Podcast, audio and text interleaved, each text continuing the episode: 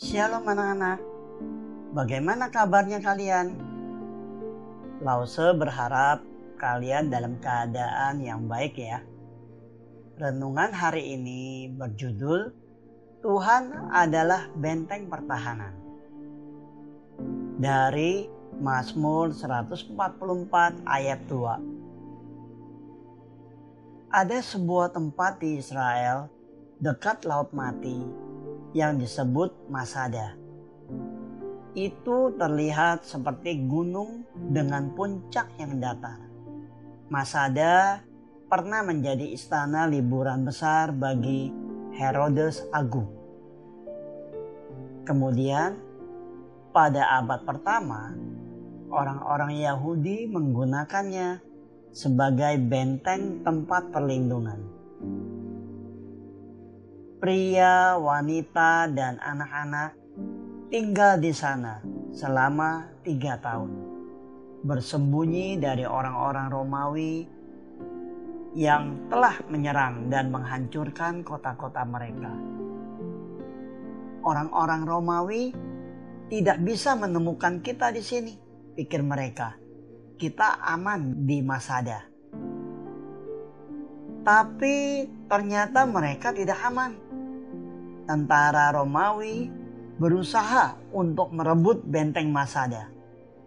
Dan mereka melakukan pengepungan di sepanjang sisi gedung. Hari demi hari, orang-orang Yahudi melihat orang-orang Romawi mempersiapkan diri untuk merebut benteng. Dan mereka tahu bahwa mereka hanya punya sedikit waktu. Ketika Romawi akhirnya menyerbu orang-orang Yahudi untuk merebut benteng, akan tetapi orang Romawi menemukan semua orang Yahudi tewas. Orang-orang Yahudi telah memutuskan untuk bunuh diri daripada ditangkap oleh Romawi dan kehilangan kebebasan mereka.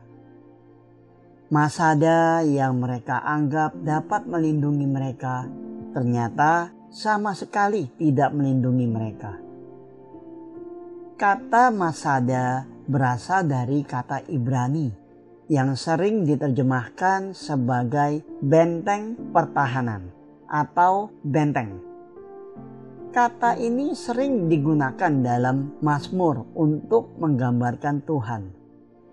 Tuhan adalah benteng bagi kita sebagai orang percaya.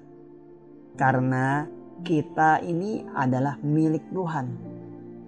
Kita punya musuh si jahat yang adalah musuh Tuhan. Si jahat ingin kita berpaling dari Allah dan hidup dalam dosa, keraguan, dan kekalahan. Tetapi ketika si jahat dan pasukannya menyerang pikiran dan hati kita, Tuhan adalah benteng yang aman bagi kita untuk bersembunyi. Ketika kita percaya firman-Nya dan bergantung pada pertolongannya, Ia akan menolong kita dari dosa. Tuhan lebih kuat dari Masada.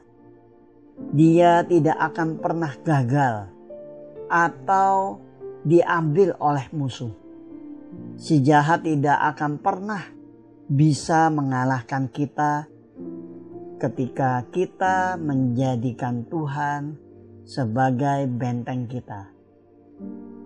Allah adalah benteng bagi kita ketika si jahat menggoda kita untuk berbuat dosa. Apakah kamu tinggal di dalam Tuhan?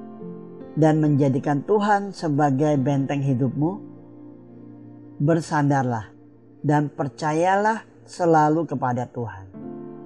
Amin. Tuhan Yesus memberkati.